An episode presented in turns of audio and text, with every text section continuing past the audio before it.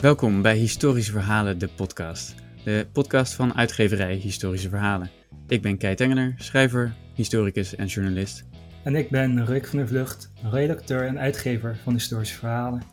In deze podcast lees ik de verhalen voor die ook online verschijnen op historischeverhalen.nl. En samen gaan we in gesprek met auteurs over hun verhalen. Wat is de historische achtergrond? Hoe ziet een schrijfproces eruit? Maar historischeverhalen.nl, wat zijn dat eigenlijk voor verhalen, Rick? Eh, de missie van historische verhalen is om de geschiedenis tot leven te wekken. In principe zitten natuurlijk in heel veel grote gebeurtenissen zitten uiteindelijk heel veel menselijke verhalen. En die verhalen die wil je vertellen. Je, je brengt de geschiedenis tot leven. Dat je gewoon, eh, in plaats van dat je zegt eh, in 1813 eh, slag bij Waterloo. Zeg je goed, toch?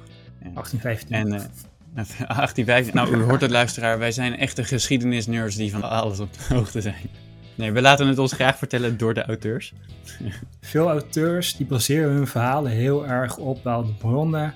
Maar als lezer weet je niet dat een of andere oude inscriptie was waar een verhaal op gebaseerd is.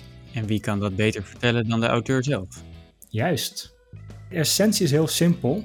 Er komen luisterverhalen, een podcast, gesprekken met auteurs. Wat wil een mens nog meer?